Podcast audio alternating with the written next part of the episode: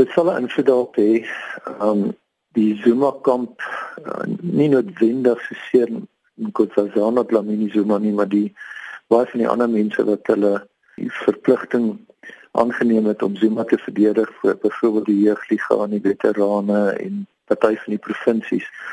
Hulle is ook besig om die leierskapsrol te speel om die ANC se beleid veral rondom sosio-ekonomiese aangeleenthede meer radikaal en meer ingrypend sogenaamde interventionist policy daar te probeer stel. Terwyl die Ramaphosa kamp uit die aard van die saak baie versigtig gespel moet speel. Hulle kan nie verdere ekonomiese verandering teenstaan nie want dit is sigbaar nodig en en 'n groot hoeveelheid mense binne die ANC steun dit. Maar andersins wil hulle nie die volledige radikale verandering aanvaar wat op die oomblik deur die Zuma kamp gepropageer word nie. So daai tipe van debat is onderliggend aan die persoonlikhede wat nou deel is van die leierskapsdebat binne die ANC, maar dit is ook onderliggend tot watter rigting die ANC sal inslaan as dit gaan oor veral ekonomiese beleid. So tot watter mate voorspel jy gaan persoonlikheidspolitiek eerder hierdie konferensie oorheers as beleidspolitiek?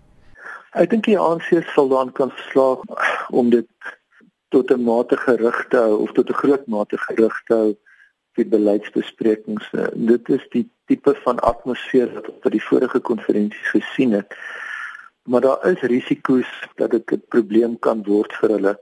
Ons het in die afgelope paar dae gesien dat die minister van mynwese byvoorbeeld toe hy die mining charter aangekondig het dat daar onmiddellike reaksie uit die ANC se kamp uit was en gesê het maar dis nie volledig met ons bespreek nie.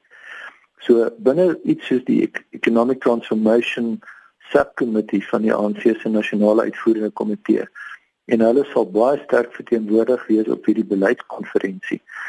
Is daar duidelik weerstand teen party van die rigtings wat mense so Swani wil inslaan. En dit gaan maak dat, dat daar waarskynlik momente gaan wees waar die beleidskonferensie baie intens gaan wees en en vurig kan raak. Ja, dit gaan en die manier hoe dit gaan gebeur is wanneer daar nou in kommissies verdeel word en mense gaan nou begin besprekings hou en dis meer, dan dink ek gaan daai ideologiese en politieke gevegte gaan dan uitbreek in daai kommissies en ek dink dit gaan homself ook manifesteer as hulle terug beweeg na plenêre sessies toe waar daar moet nou terugrapportering gegee word oor wat is aanvaar en wat is nie aanvaar nie.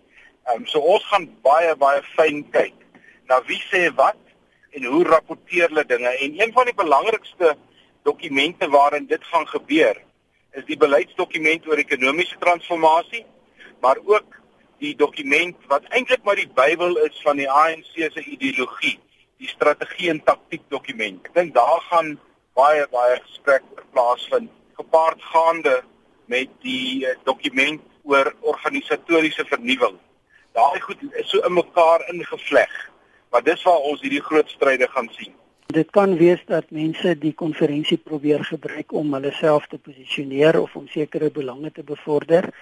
Uh, ons het reeds gesien dat die sekretaris-generaal het 'n waarskuwing gegee het gesê daar gaan geen plakkate en T-hemde wat spesifieke belange bevorder toegelaat word nie. So dis maar die voorbereiding om te sorg dat die fokus op die beleidsbesprekings is en dat dit 'n ordelike en gedissiplineerde proses gaan wees. Anders kan dit maklik in chaos ontaard.